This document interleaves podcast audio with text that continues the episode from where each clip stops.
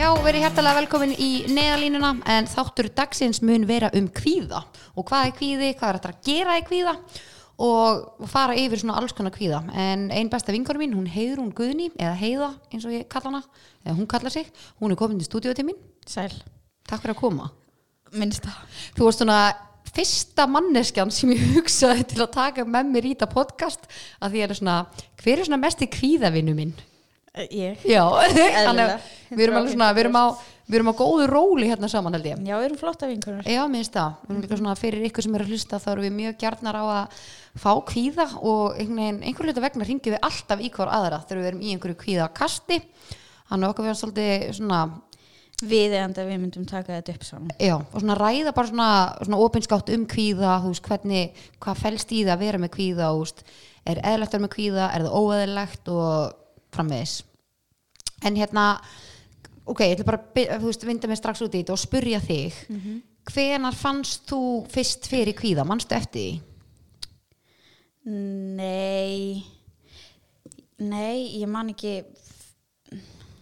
Erfið er spurning. Já, þetta er erfið spurning, en, en ég hugsa að hafi bara, þú veist, þegar ég var lítil. þetta Já, bara sem krakki. staf- Já, þetta er bara stafar út frá ykkur þegar maður er lítill, Já. skilur og finnst að búið svo ágengast, eða veist, Já, á, sem er ágera, það, ágerast, já.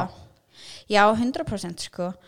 En ég man ekkit eitthvað atvik, skiluru. Nei, svona sem En- kveikti í að þú varst bara, uff.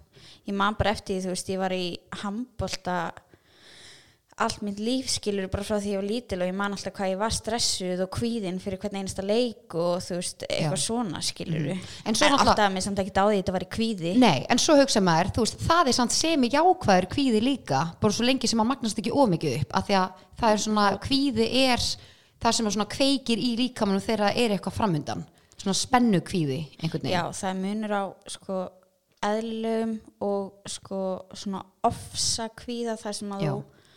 Þú veist, en eins og ég er og minn kvíði þá er þetta meira svona ég efast um mig bara uh, efast um getu mína í öllu sem ég geri. Já, einmitt, einmitt, og ferði alltaf á bara, þú veist, já, sem er heftandi Já. kvíði að það er líka, þá er líka kvíðin orðin þannig að þú ert á kannski freka bara heima og sleppir ákveðnum verkefnum.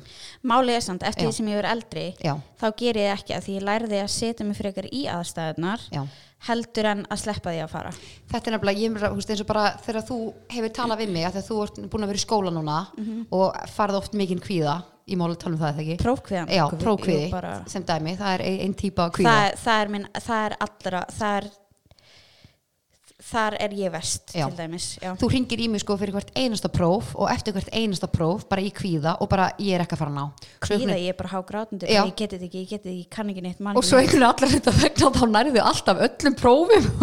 þetta er gali, ég, bara, ég hef aldrei fallið á prófi en ég er samt alltaf jafnstressuð, alltaf og ég næ alltaf. En svo mitt er munurinn á líka, þú veist, að vera með prófkvíða, það er kannski líka svona, það er hægt að vera með góðan prófkvíða, það sem þú ert á svona laser fókust, að bara ok, ég verð að koma mér í efnið og fara að lesa mig til, þú veist, að fara að koma mér í aðstæður, en svo er náttúrulega líka til það mikill prófkvíði að þú bara kemur basically út úr hlutunum. Já, þú veist eins og þú veist hefur gest hjá mér í einu prófi magna ég hafi náð, ég rétt slefaði. Já, en það var þú veist ég var f- mætt í prófið og ég myndi ekki hvað áfangin hétt sem ég var í þú veist ég myndi ekki nafni mitt ég bara blakkaði út Já. og ég þurfti bara að fara fram í fimm mínútur að því ég bara það bara kvíðin tók bara yfir líkamin einhvern veginn og ég myndi ekki neitt.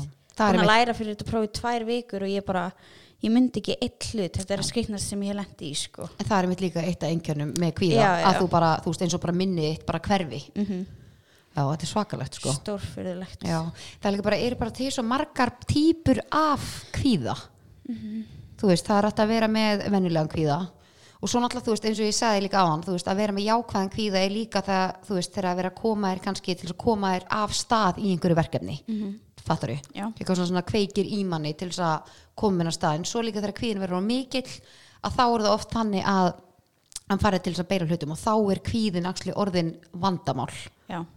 þannig að, Þegar hann er orðin heftandi og lamandi og þú ert hættur að, þú veist, setja þeim eitt í aðstæðunar. Þú Einmitt. leifir kvíðanum að taka yfir frekar en að reyna að, hvað segir maður, frekar en að reyna að, þú veist, bara horfast í kvíðan og fara í við. aðstæðunar já, já, já, að því að ég til dæmis einna mínum kvíða er það að, ok, það er nokkra tí, típur hérna af kvíða sem ég ætla bara að lesa upp, sem ég glósa hérna hjá mér.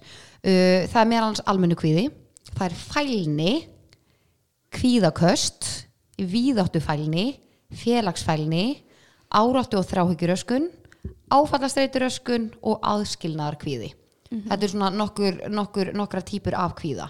Ég til dæmis um, finn fyrir svona víðáttu fælni semi og svona smá fælni eins og þegar ég fer í svona opir í mig eins og í smáralind.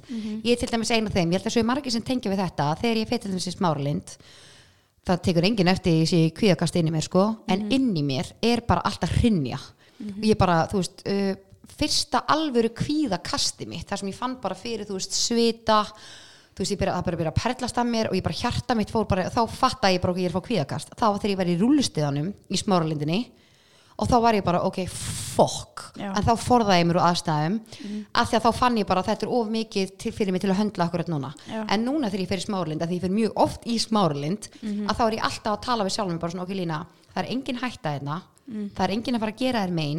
það er er ekkert hérna sem þú þarft að óttast. Þannig að þá finnst mér gott að ég myndi að horfast í augu við kvíða mín og fara í aðstæðunar í staðin fyrir ég myndi bara sleppa þið fyrir smáralind að því ég fæ sem ekki kvíða. Þannig að maður þarf svolítið svona einmitt, að Sko- læra inn á kvíðan sinn. Já, 100% ég tengi til dæmis ekki við það nei, per se skilur að fara eitthvað í smáralind og fara í kerfi skilur en það eru margir sem díla við þetta. Já. en þú veist kannski með þig getur það líka stafað út af því að þú ert hvað svona public person má svona segja það, opinber skilurðu, manneskja já, jú, jú, ég finn alveg munin frá því hérna, áður þegar ég fór kannski í kringlun eða smáralind Mm. skiluru og munin í dag að það er alveg, veist, sem opinber manneskja þá finn ég alveg að það hefur meiri kvíða eða þú veist, Já, það, já. kvíði minn hefur alveg aukist við það já, já. og eðlilega, ég veit ekki Já. hvernig ég myndi verið í þessum aðstæðum Já, hann að ég held að það svona stafi, veist, það ítur alveg slatta undir þennan kvíða sem ég hef, skilur Mhm. Uh, Svo tengi ég líka til dæmis við áráttu og þráugjuröskun ég náttúrulega, veist, var greint með það þegar ég var yngri, skilur og Já. er náttúrulega með svaka áráttur, sko og ég er með svo massífa þráhyggju og ég þú glottir á mig já, þú, Nei, þú veist, þetta er ekki fyndið en þetta er samt að ég gerir grín að fyndið. þessu. já, þú gerir grína þessu skilur en að sjálfsög er þetta alvarlegt Já. skilur þú veist, ef þetta er hamlandi og eitthvað svona og þetta hefur sko stundum þannig áhrif á mig að ég þarf að taka þú veist, ég tek sveptöflur á henni fyrir að sofa Mm. og það er ekkit feimnismál, ég er búin að gera það í um, nokkur ár sem ég finnst umulegt Mhm. en ég tek stundum sveptöfluna fyrr Mm. út af uh, þráhyggjan mín og hérna uh, segi, áráttunum mín þú veist að því ég er svo mikla áráttur er verða svo miklar á kvöldin að ég tek stundum sveptöfluna til þess að ná að róa mig niður Mhm. svo ég ná að slaka á að því að stundum verði bara það tætt Mhm. og þar þú veist að því ég bust alltaf rúmið mitt sængin og kottan minn og spritt allt í kringum með hann fyrir að sofa Já. Og það er stundum ekki nóg að gera það einu sinni. Ég er stundum farin að gera það bara fimm sinnum. Já. og meðan maki minn horfir á mig bara hvað er aðinni, skilur við já, já, og þú veist, mér finnst bara allt vera ekstra skítugt og þetta verður svo heftandi að ég næ aldrei að slaka almennlega á. Og það er líka ástæðan af hverju ég næ ekki að sofa nema á þess að taka svettiblu skilur Já. þannig að þú veist, þetta komið svona ógislega vítarhingur sem ég er búin að vera að reyna ógislega mikið að vinna mig út úr en á bara ógislega erfitt með það. Já, þannig að þetta er eitthvað sem ég tengi líka við. Uh, ég tengi ekki til dæmis við félagsfælni. Mér finnst mjög gaman að vera í þú veist hóp og mér finnst gaman að kynast fólki. En það er rosalega margir með félagsfælni. Já, mjög margir. Tengið þú við félagsfælni? uh, kannski upp á þessu marki en það er kannski meira bara svona þú veist um, hvernig það tengist kvíða þá er það kannski meira bara svona að þú veist ég er hrætt um að fólk sé að dæma mig eða dæma í hverju ég er þú veist ég veit ekki hvort að það sé kannski meira óryggi heldur en kvíði ég veit ekki Ætli þetta sé samt ekki sambland af báðu? Jú, kannski er þetta bara nákvæmlega sama þú veist, þegar óöryggir verður mikið að þá myndast kvíði Já, þú veist, en það er 100% skána eftir því sem maður verður eldri, Já. Mhm. skiluru, og maður er bara svona, ég mér alveg saman hvað fólki finnst, Já, skiluru, einmitt. en þú veist, já, ég tengi við það upp á þessu marki, en þetta er aldrei þannig að ég er ekki að fara að mæta. Nei, þetta er ekki hamlandi fyrir þig Nei, þú veist, ég er aldrei að fara að sleppa því að mæta í eitthvað teiti, skiluru, að því að ég hrættum að fólk fíl ekki kjólinn sem ég Nei, skilurðu. einmitt, einmitt, Þú einmitt, veist. nákvæmlega Mér líka, ég er alveg sammálar, þú veist, því meira sem er eldist, Mm. nú er þú honum 30, ég er 29, Akkur að segja þetta er náttúrulega að því ég er bara svo ána með hvað við erum orðnar gamlar, Eld, Við eldumst vel en hérna, þú veist, mér finnst bara að maður er svo ánægð með það hvað, þú veist, hugafæri manns, gagvart ymsum hlutum, Mm. verða svona, uh, svona utan ákomandi álit verður minna fyrir manni. Já. Þú veist bara hver þú ert Já. og ef þú ert sátt, þá ertu bara drullu góður. Þannig að það er mjög svona, Og það er jákvætt, jákvætt þróun. Það er það og það er að leiðandi skilur náttúrulega minkar kvíðin í Já. ýmsum aðstæðum Einmitt, eins og með þetta. Já. En kvíðaköst, þú tengir við það. Já, bara 150% ég hef fengið nokkur slík yfir æfina Já. Og ég man sko, þú hringdir eins nými í sko þvílíku kvíðakasti. Og ég nánast fekk kvíðakast með þér. Hvað, ég man ekki. Ég man bara, það var, þú veist, alltaf að sé ekki, hvað, tvö ár síðan eða eitthvað. Og þú hringdir í mig og varst, þú veist, að þegar við hringjum fyrir ykkur sem er að hlusta, við hringjum rosalega mikið í hver aðra til þess að ná að, þú veist, þegar kvíðin er það mikill og við náum eitthvað að nota raukhugsun og þurfum að róa hver aðra niður. Og ég man bara, ég vissi ekki hvernig ég átti að þú varst í svo miklum kvíða og ég man bara, ég vissi ekki hvernig ég átti að, að, Já, þess, já. að ég fattar mig, Já, ástæða já, þetta þegar ég var bara eitthvað, oh my god, og ég man eitthvað, ég getur þú veist, náði einhvern brefpóka og andaði pókan Já. þú veist, ég var einhvern veginn bara hausi minn að því að vera stundum til staðar fyrir eitthvað, þú veist, þarna var kvíðin svo massíf mikill að ég einhvern veginn fór í kerfi. Já.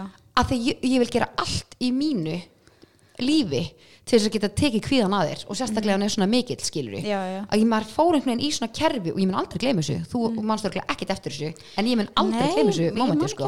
þú varst í svo miklu paniki og þú varst bara, ég, bara, ég get ekki andað og ég var bara fokk. Bara hvað ég að já, gera þú veist, af því ég náttúrulega Já, allt í mínu valdi gera eitthvað fyrir þig en þú veist, í rauninni er svo lítið sem ég get gert nema til þess að ná að tala þig niður úr Já,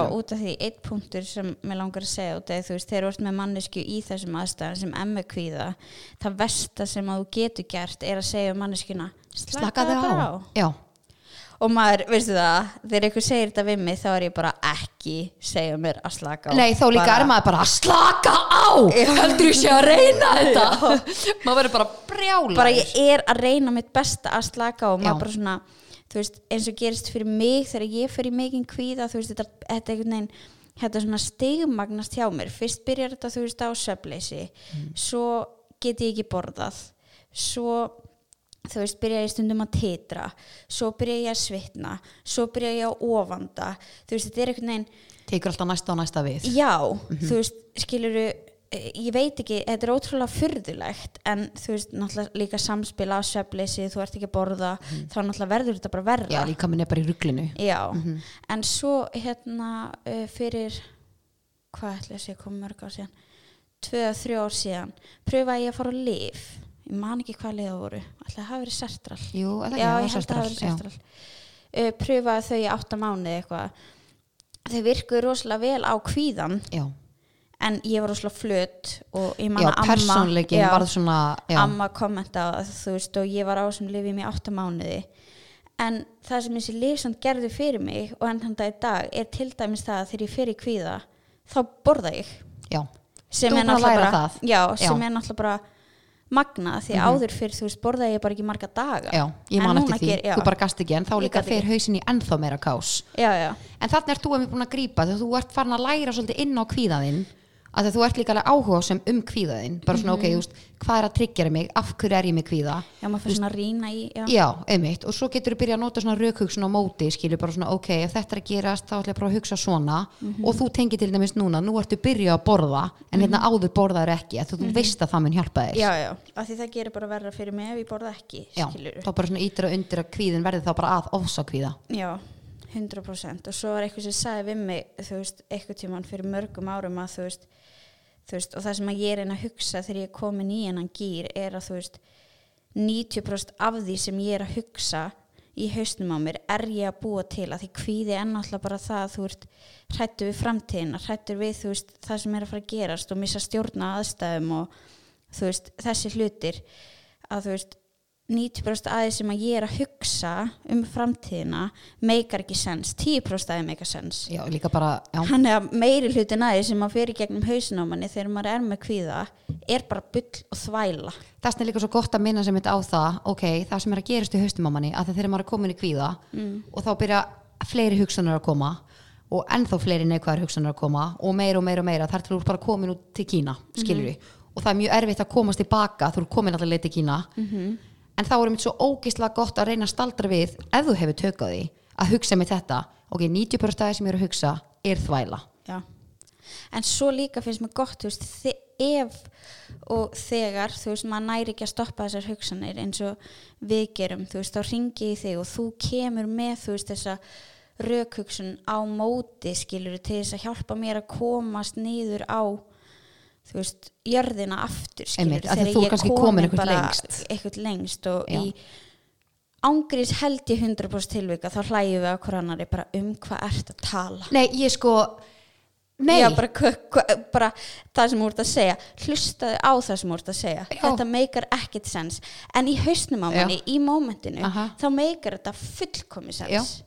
Sem er galið. Og svo um leið og við byrjum að tala saman þá er ég bara, ok Já, ok, Já, ok, Þetta er og svo bara- líka þetta er svona já. eftir bara þessi var svolítið góður í gæð Nei, og svo, svo sendum við alltaf bara hvað var að frétta í gær, bara hvað Ah, en svo náttúrulega líka til hérna, sambandskvíði.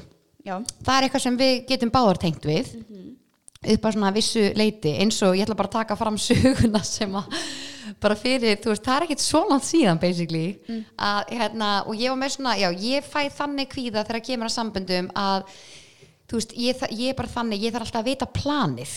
Já, þú veist, að því að mér veist óþægilt að vita ekki stundum planið en svo er maður bara svona, en það er ekki hægt að gera henni plöna þegar maður getur ekki prediktað að öll plön gangi upp, en fyrir mig að vita smá plan, þá er ég ekki að tala um að við sem að fara að byrja saman, þá er ég bara að tala um þú veist, hvað er að fara að gerast á morgun þú veist, já, eru að fara út að borða morgun já, eru að fara að gera þetta eru að gera, mm. bara einhvern veginn að sé einhvern veginn smá beinagrund utan um hlutina. Mér, þú veist, það lætur mig líða betur ég held að það séu rosalega margir sem tengja við það. En manstu um daginn að þá kom, ég ætla bara að vera alveg hinskilin þú veist, það kom eitthvað svona smá tímabil hjá mér og gumma kallinu mínum. Ég var að taka þetta fram. Að hérna, þetta var bara svona þú veist, eins og koma í öllum samböndum það kom upp svona kannski ekki myndi árekstrar heldur meira svona það var smá miskilningur Já, já, já. Og þetta var bara svona, þú veist, nýtt samband að, þú veist, að verða til og, ba- þú veist, tveir alveg að hittast á meiri leið og það er bara drullu fokkin erfitt. Já, já, það er bara, bara að hittast á meiri í- leið og tveir ólíkir einstaklingar og hérna að já, og svo var ég einhvern veginn komin að því ég var til að mynda að fá svona sambandskvíða. Að ég man að ég hringdi í þig ég var semst bara búin að búa til þá sögu að, að því hann var búin að vera smá off út af ég var búin að segja eitthvað eða gera eitthvað skilur sem að leta hann verða smá off. Uh, ekkert með það má alveg tala um það. En þá var ég bara basically komin í bara ok, hann er búin að missa allan áhuga á mér, hann vill ekki vera með mér uh, hann er að fara að hætta með mér, hann þórið því ekki. Já. hann ég var búin að skrifa niður á blað ég var bara búin að gera svona, hálf, bara svona hálfpartin svona rítgerð á blað Já.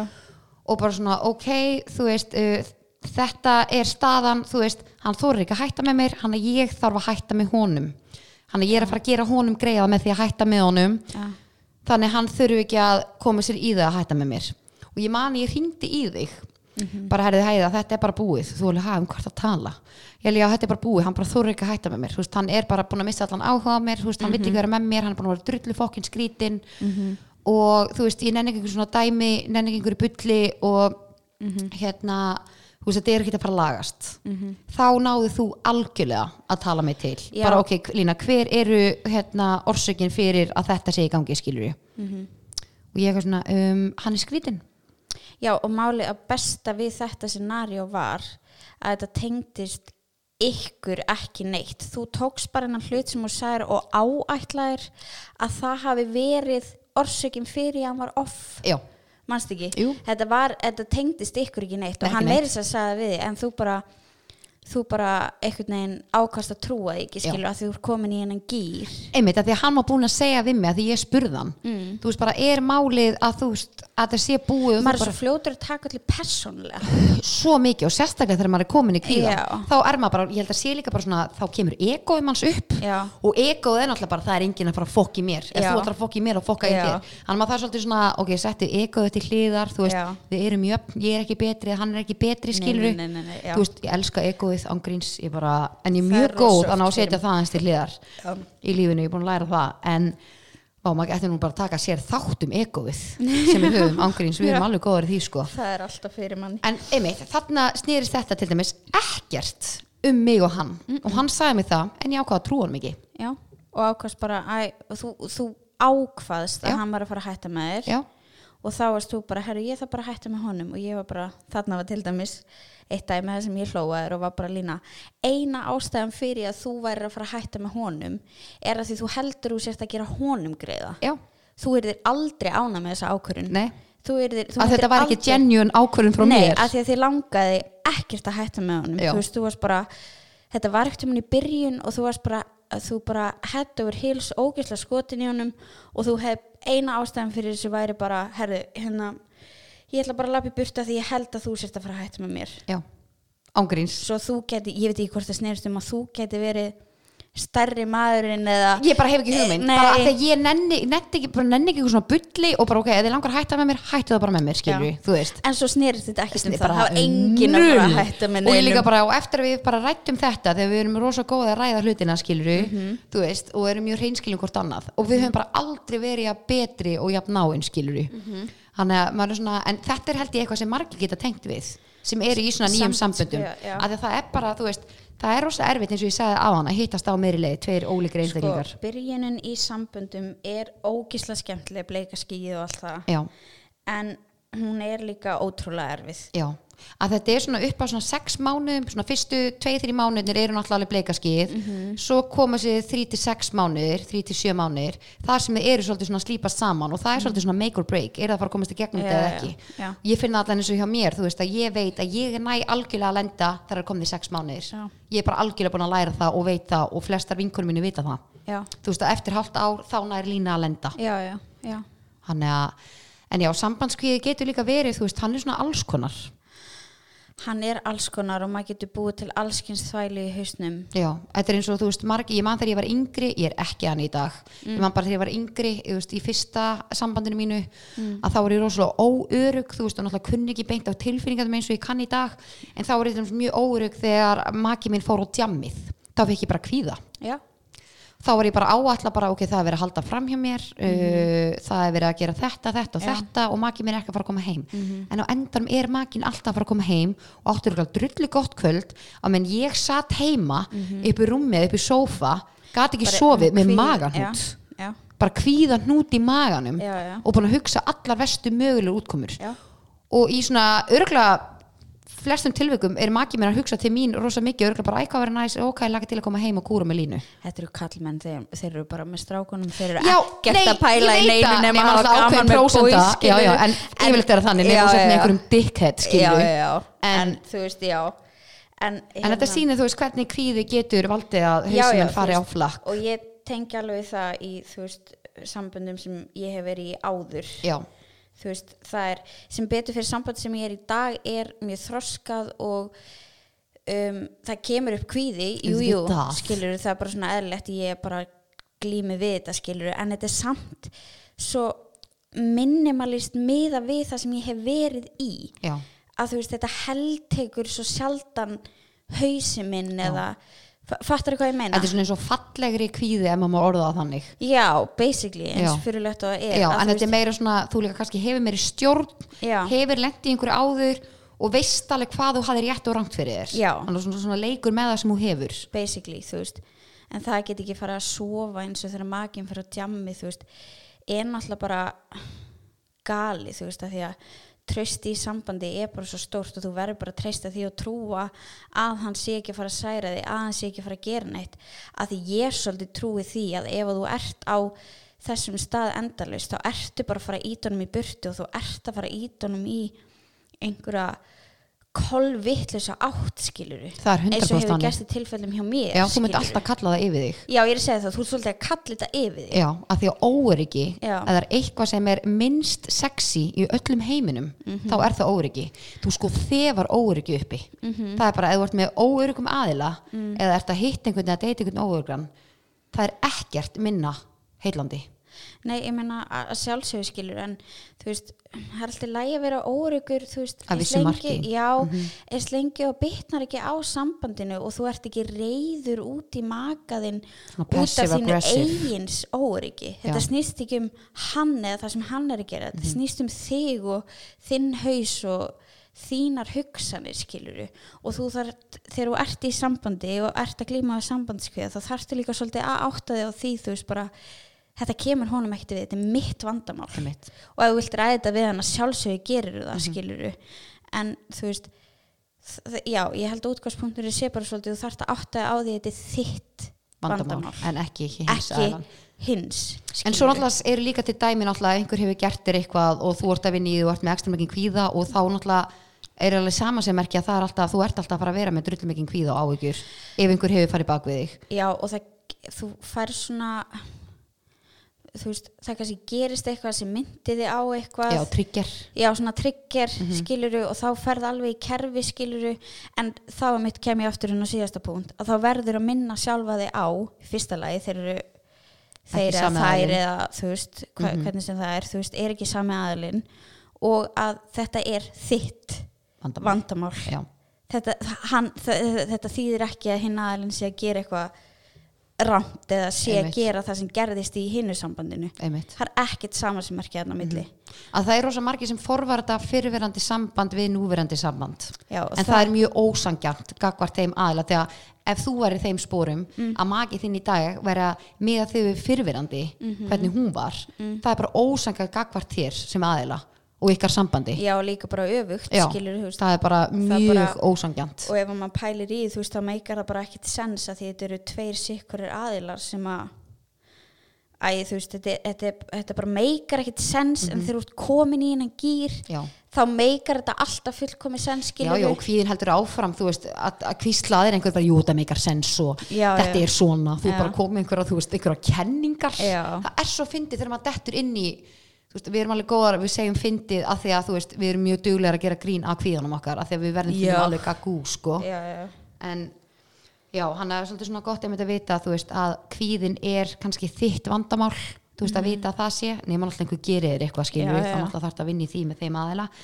En, sjálfsög Mér finnst til dæmis eins og með gumma kærasta minn að ég sast niður með honum og rætti við hann um kvíðan minn. Og ég sagði bara, þú veist, ég er svona, svona og svona og mér finnst gott að veita planið. Og hann bara, já, ertu þannig? Ég sagði bara, já.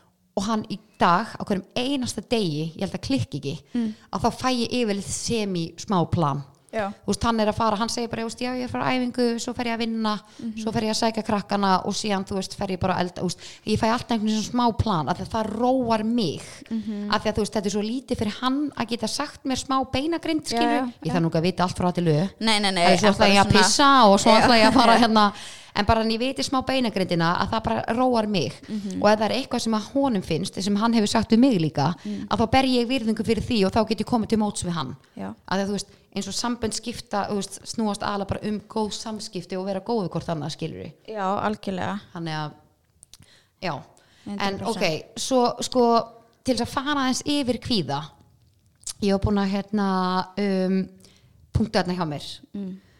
að bara hvað er kvíði fyrir þá sem er að hugsa þegar þú veist það eru örugglega margir sem líða óþægilega og viti ekki kannski að það sé kvíði. Mhm. en maður heyrir oft bara kvíði, kvíði, kvíði og þú kannski fattar ekki svo með kvíða. Já, já, já, og svo er kannski margir sem skildi ekki hvað kvíði er. En ég skrifaði hérna að kvíði er náttúrulegt viðbra líkamanns við álægi og erfiðum aðstæðum í lífinu.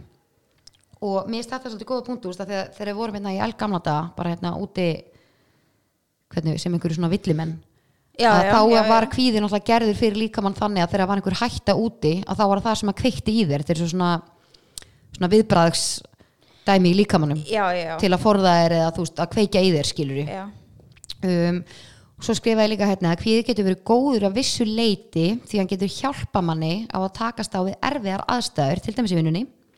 Og ef þú ert að fara að halda ræðu þá ertu svona, þetta er svona, svona kveikja, kveikja í manni skilur og til dæmis í undirbúningi fyrir próf og fleira.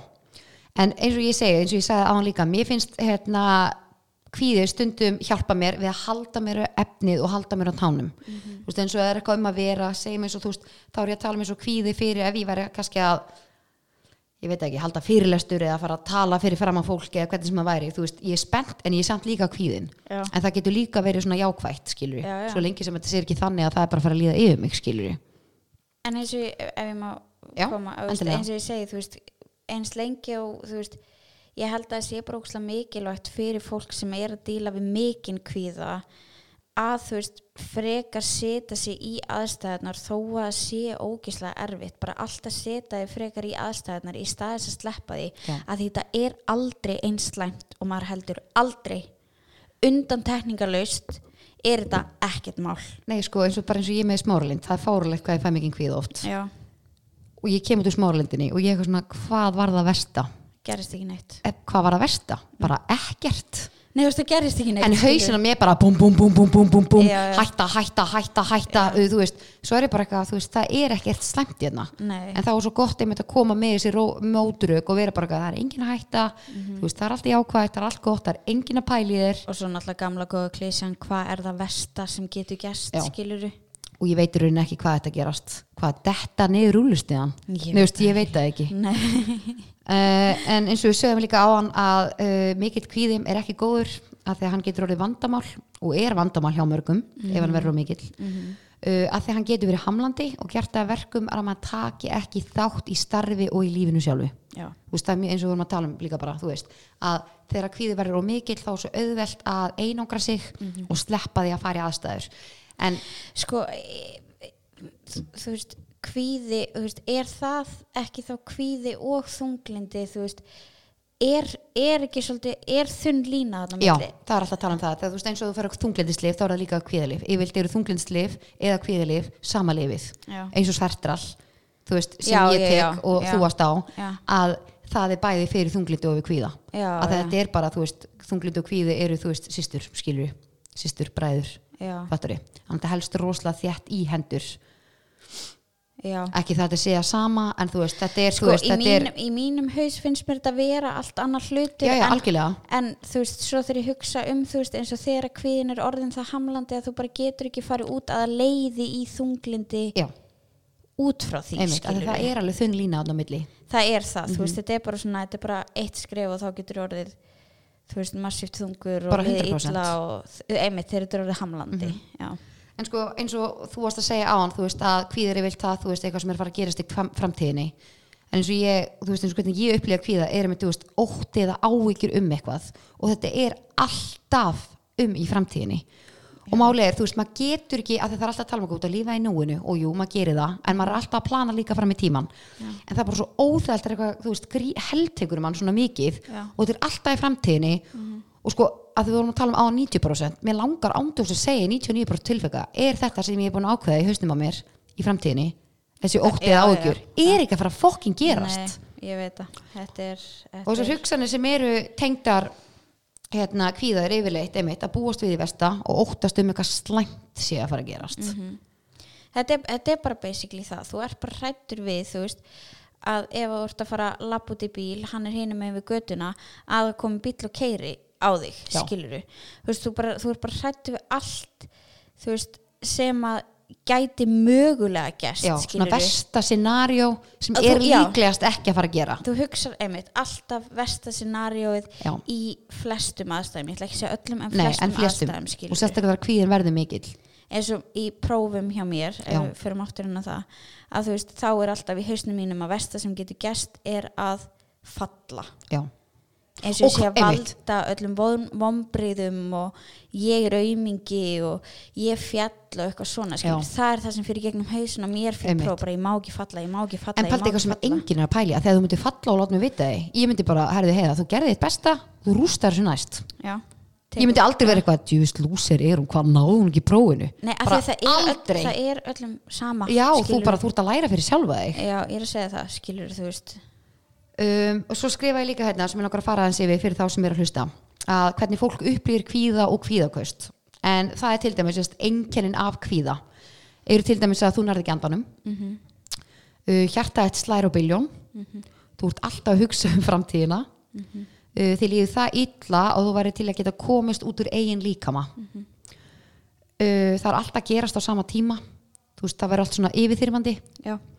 Uh, óttin við hvernig morgundagurum verður uh, þið líður basically eins og þetta deyja. Hugurinn fyllist af óbærilegum hugsunum sem átt erut með að koma þér út úr. Mhm. uh, þið líður eins og þú sért ekki nóg og ert alltaf að rakka sjálfa þig niður. Mhm. þú upplýðir þig powerless gegn eigin huga. Já, mér finnst þetta mjög góða punktur að þegar maður upplýður þetta oft þannig. Uh, það er mikill ótti við aðstöður og svo líka sviti og svimi. Það er eitthvað sem ég hef stundum upplegað þegar ég fæ mikinn bara það er svona mikinn svima og svitna. Já, en svo langar mér bara að koma fyrir þá sem er líka að hugsa að hvað er gott uh, ég er búin að skrifa nokkuð dæmi hérna niður uh, hjá mér að hvað er gott að gera þegar þú til dæmis færð kvíða. Nokkur verkfæri sem að hlustundi getur nýtt sér. En eins og þú varst að segja líka á hann sem ég finnst besti kosturinn og það sem uh, sálfræðingur sem ég var hjá og alltaf að segja við mig þegar ég var hjá hann út að kvíða einmitt að fara í aðstæðunar það er það versta sem þú, sem þú getur ímyndaðir þegar þú ert í kvíðunum en raunin er það besta sem þú getur gert fyrir sjálfa þig það er það því að þú veist eins og ég sagði eins og ég sagði hann, veist, þetta er aldrei slæmt og maður heldur. Aldrei. Og ég ætla bara að lefa mér að segja aldrei að það er bara alltaf Nei, það, er bara, það er bara fakt.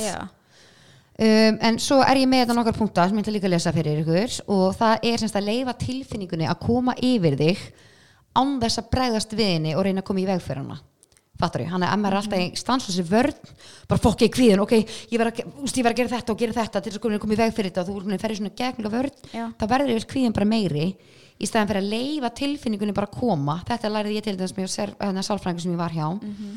Uh, þá er ég mikið að ræðu kvíða minn um, við þann sálfræðing.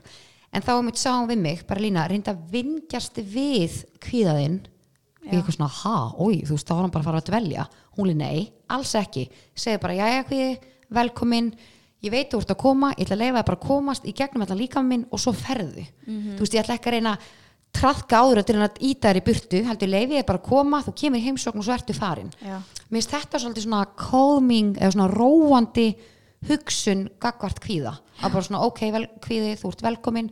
Og ég er gripistundum í þetta þegar kvíðin er svona ekki ofumíkil en það er að koma Já, kvíði já. yfir mig sem ég næja að ráða við sjálf og þá bara svona ok, verður velkomin þú veist, þú ert í heimsókn núna og ég veit að þú lappar út um hörðina eftir smá. Já, og það er svona, og ég finn alveg þú veist að þá kemur þú veist kvíðin bara yfir mig og hann fer. Já þú veist, það virkar alveg í sum aðstæðum sum aðstæðum gera það ekki því miður. En- Nei, bara alls en ekki, en þegar þú veist að reyna að nota reyna, ákveðin já, já, en eins og þegar kvíðin minn er sko þvílitt mikill mm. þá veit ég bara ég verð að hringi þig. Þú ert svona my worst scenario, nánast sko sem er alveg alltaf. Við erum alveg alltaf að hringja. Ég er bara, ég er í kvíðakasti. Við erum svo fyndna sko. Um, að eins og hérna dæmi líka sem ég er búin að skrifa niður sem við fórum yfir aðan að þegar ég fer í aðstæðu sem alltaf með kvíða til dæmis þegar ég lappi smáralindinni ég skrifa alveg svega hérna, já það veldur mig kvíða. En þá myndi að hugsa, þú veist, hverja á maður að kvíða fyrir? Það er engin ótti hérna, það er ekkert slæmt að fara að gerast fyrir mig í þessum aðstæðum. Já, við erum búin að fara við þetta nokkur sinnum núna í þessum þætti. Já, andadráttur, sorry, en hann er vanmetinn ángríns, ég er bara að þegar ég finn að, líka, líka bara þegar ég finn að ég er að vera pyrruð Já. yfir einhverju, Já. þá er mér ógeðslega gott að reyna að núlstilla mig með því að anda. Það skiptir sköpum sköpum að gefa sér tíma í að fókusa á andadráttin sinn að það, það núlstilla mann. Og það er eins og maður sé bara svona neða virkar ekki. En málið það, það virkar. Þú þarf bara að gefa þér tíma. tíu, eitthvað svoleiðis og þú veist, reyna að bregðast ekki við tilfinningunum þú veist, að því að eins og til dæmis þegar maður er reyður og Úff. út í eitthvað eða eitthvað skilur tökum þessi dæmi og þú þá ert að því já, og maður kannski sendir eitthvað í reyði þú veist, þú sérð alltaf eftir. Alltaf. sko bara látum hann að hlustundu vita ef þið er að bregðast við einhverju í reyði ándjóks gefið ykkur tíu mínútur áðan þið respondið Mhm. tíu mínútur, af því að eftir þessar tíu mínútur það er fakt, þá er reyðin búin að minka og það er sko gjör ólíkt hvernig þú mynd bregðast við. Já, fyrir tíu mínúturnar og eftir tíu já, ángríns en málið með sko andadráttin er það að það hægir á kerfinu Mhm. og þú setur fókusin á andadráttin og af kvíðanum. Já, þetta er vanmetið ángríns já, Uh, svo er líka mjög gott að vera meðutar um það að áfengi og koffín getur ítt svakalega undir kvíða eins og fyrir þá sem eru með rosa mikinn kvíða ættu helst ekki að drekka koffín eins og þú veist allar svo orkudrykki sem er í dag og Já. kaffi það ítir svakalega undir og ég hef alveg fundið fyrir því að þegar það er mikið kannski kvíði segjum bara við erum einhverju ákveðinu verkefni og það er svona kvíði þú veist sem er samt spenna líka Já, já, já. og ef ég drekk mikið koffín til dæmis að það íti mig þannig að spennan verður svo mikil Mhm. að kvíðin verður meiri og ég einhvern veginn verður svona út um allt skilur að fókusin er ekki já, já 100%. svona laser fókust skilur samt eitthvað hluta vegna. Fær maður sér alltaf koffín. Bara maður maður heldur að koffín sé að láta mann verða meira fókusiraðan en raunni ertu, jújú, jú, upp að vissu marki en raunni ertu samt líka að koma í einhvern skýta vítarhing já, já, þú veist. Svo veist mér líka þetta góða punktur að reyna að finna hvað er að tryggjara kvíðaðinn mér til dæmis gott að vita hvað hérna, veldur mér kvíða. Hann að til þess að vera undibúin fyrir aðstæðunar skilju já, að vita að þegar hérna, ég er að fara til dæmis í smáraleng þá veit ég bara að ég er að fá ákveðin kvíða. Já, að hérna, ok, lól heiða er sko, ég verð að taka þetta fram. Við erum að tala um að heiða er sko kassólétt það var sko settur dagur fyrir viku síðan. Og ég er alveg svona að búa mig undir hún sem bara fara að eiga þetta í stúdíunum hún er alveg með verki, hann ég tek hattin óm fyrir að vera hérna. Já, já, maður er hetja. Svaka hetja, ég áttur að kaupa velunarpinninganda já, ángríns. En já, aftur af þessu að vita hvað tryggir að kvíða en ég veit stundum, úst, ég er búin að tala um þetta smálunda dæmi svona þúsundsinnum, en þá veit ég bara ok, það er mjög líklega að fara að koma einhver smá kvíði yfir mig, en þá veit ég bara ég ætla að fyrir aðstöra því ég ætla að horfast í augu við kvíða minn, að, og svo einmitt líka með, þú veist, ef þú veist kannski að sé eitthvað fyrir að tryggja þig. Ég veit ekki alveg hvað fleira dæmi ég má að taka. Til dæmis einhverju við gert þér í fyrra sambandi. Já, og nýji makin gerir það líka, þá veistu að það sé að fara að tryggja einhverja tilfinninga til, hjá þér skilju já, já, að þá er gott einmitt að vita að það er veist, þitt vandamál einmitt þannig að vera, við einmitt, um vera við og þú veist, með, með þetta um það um hvað tryggjara þig uh, ringdu í góðan vini eða fjölskyld með þeim til að fá peppi til að hjálpa þeim með kvíðan og bara tala upp átt við einhvern mér finnst það svona að líka- taka powerið í burtu frá kvíðanum að tala upp átt já. og líka bara tala við eitthvað sem skilur Mhm. þú veist, þess að vinkona mín ringdi mig um daginn og þú veist, ekkit, þú veist, vinkona mín sem ég kannski tala ekkert við daglega skilur en við erum mjög góða vinkonur. Já. og hún ringdi mig um daginn að því hún var að glíma svo mikið kvíða og hún ringdi bara mig að því hún vissi að ég tengi við þetta já, skilur einmitt, þá vissum að vera gott að tala við þig. Já, koma með svona em- einmitt þess að við segjum á hann þú veist, að ég hjálpa henn að koma með þú veist, þessa rauköksun á móti skilur, Einmitt, að því það sem einmitt. hún var að tala um meikaði 0% sens burtu. Já, bara komin en svo, þú veist, líka eitt í þessu að þú veist, ef að þú ert ég er náttúrulega talsmaður sálfræðinga, bara svo það sé að við ég vil að allir fara til sálfræðinga. Saman hvort það sé eitthvað að eða ekki. Já, bara, bara maður þarf líka að, þú veist, passa upp á hausinu á sér. Mhm. Að þú veist, bara leita sér líka bara hjálpar. Nei, það líka er ekkert að því. Nei, þetta hefur oft verið svona feimnismál að mér finnst bara núna, ok, það er komið 2020 já, mér finnst það líka bara meira cool að vera sálfræðing heldur en ekki, sko. Ángríns. Veist, og ég meina að þetta er dýrt en ég vil bara taka fram að stjættafélagi borgar á móti. Rétt, góð Þannig góð að punktur. En málið það, þegar maður er alltaf svona maður sýnir frá því, þú veist, eitthvað, ég er í rektinu og hugsa um líka minn, en málið það ég til dæmis er hjá sálfræðing núna og ég posta oft þegar ég feti sálfræðing sem minns Mhm. af því ég er líka bara sína, ég er líka að hugsa um hausuna mér. Reyndar, góðu punktu þarna með rektina það hjálpa mér til dæmis mjög mikið með kvíða, Já. það er bara og við glemt, ég glemdum að skrifa það niður.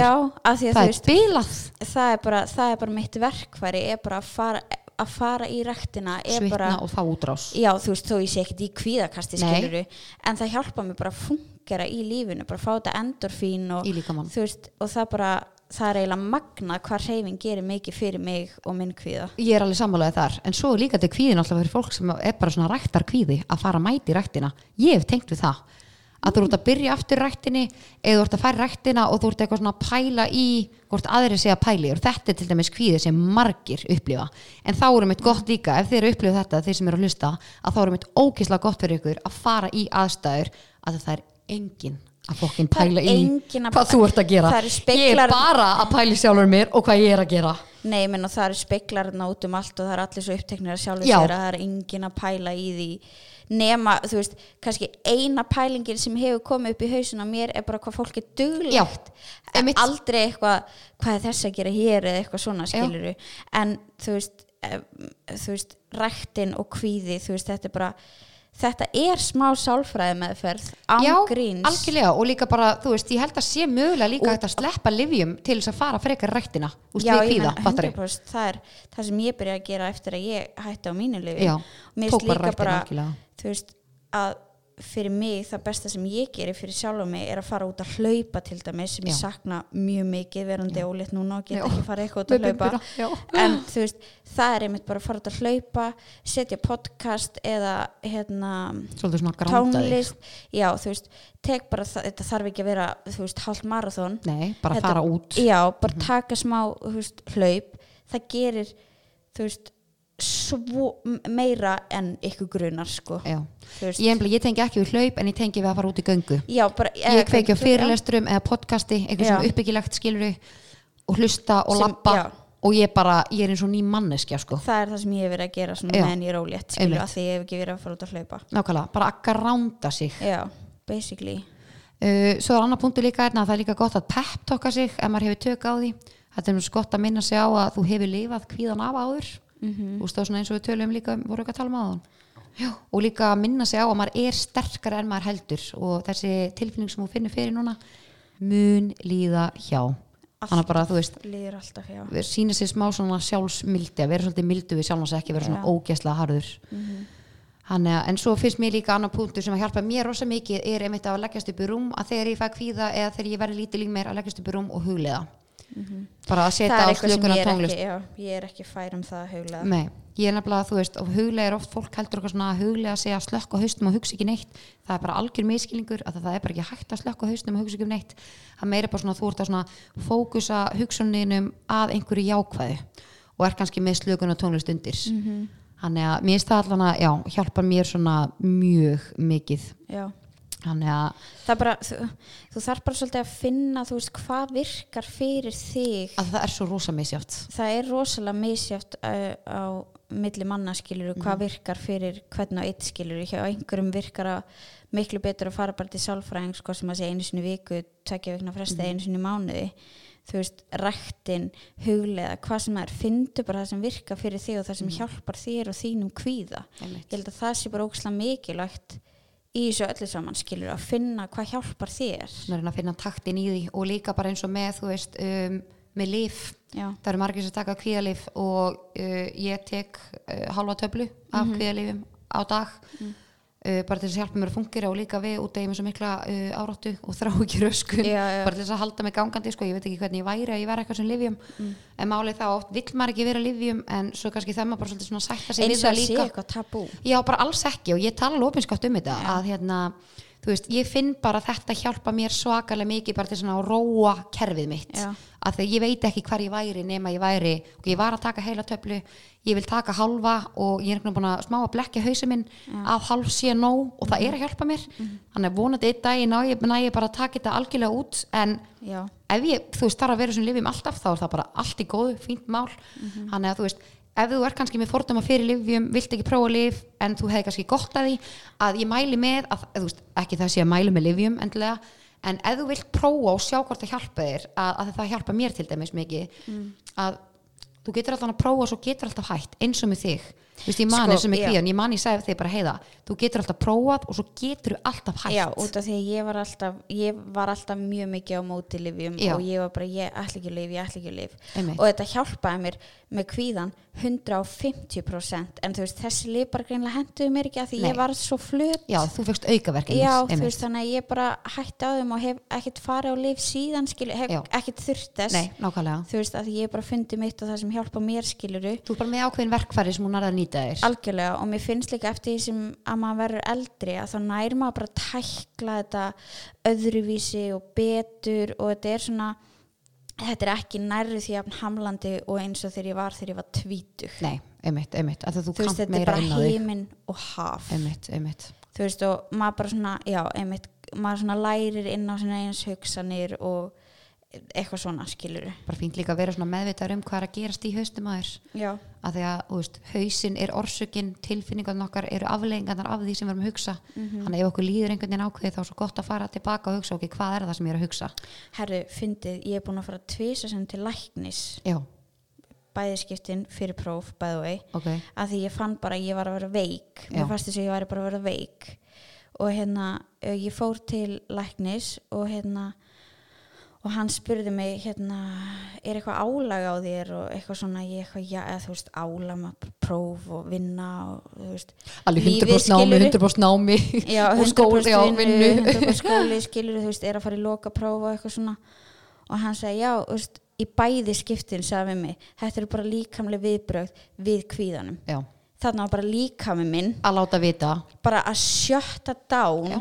út af því ég var að fá svo mikið prófkvíða. Einmitt. Prófkvíðin er allra vestur hjá mér. Mhm. bara þú veist þar er ég langvest Já, og hann bara þú veist þú verður bara slaka á og að því að, ja. nei, ándjóks haus, nei, þú veist, líka minn lætur alltaf vita. Já, já, já, en yfirleitt þú veist, þegar byrjar eitthvað smá þá svona, lítur maður framhjá því Mhm. en þar talan er basically komin bara í sitt versta form og er bara shut down og þá er einmitt bara eitthvað svona, ok fokk ég þarf að láta að tjekka á sig, þú veist, hvað er í gangi, skilur við. Algjörlega þannig að maður þarf að vera svolítið meðvitaður um hausinn, líkamann og allt það sem er að gerast. Algjörlega, en ég held að við látum þetta bara kjurt liggja í byli, en það ekki? mér finnst að við höfum farið yfir svona marga það allra helsta Já, ég held það. Allan að þú veist, við erum að tala frá persónlega reynslu, hvað hefur hjálpað okkur. Við erum 0% mentaðar í þessu Já, en við erum reynslu boltar ándjóks, við ætlum að fakta það. Já. en ég vil líka bara svona enda mitt á því að þú veist, ef þið finni að það er mikil kvíði og þið hafið engan til þess að tala við mm. ándjóks, þú veist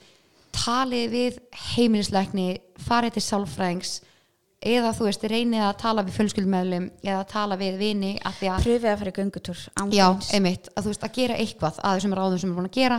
Að því mér finnst líka bara, þú veist, um leiðum að talar upphátt þó sett bara tala við sjálfaði upphátt þar sem er að gera tjóðstum maður þá narður svolítið að taka powerið af kvíðunum Þannig að ég þakka bara fyrir hlusturinn í dag og takk æðislega fyrir að taka þetta með mér heiða mín það var lítið, var Ég mjög lítið, vona þetta mjög að skemmtilegt næsti þáttur sem ég mun taka upp að þá er litli kútur komin í heiminn já, þá er ég orðin móðir Já. það vona ég líka, oh, ógveð mig góður Þannig að já, ég vona bara að geti tekið einhverja punkt af, uh, úr þessum þætti og tekið, ykkur, uh, tekið það með ykkur í lífið. En ef það er einhverja spurningum um eitthvað, þá vitið þið getið alltaf haft samband við mig á Instagram.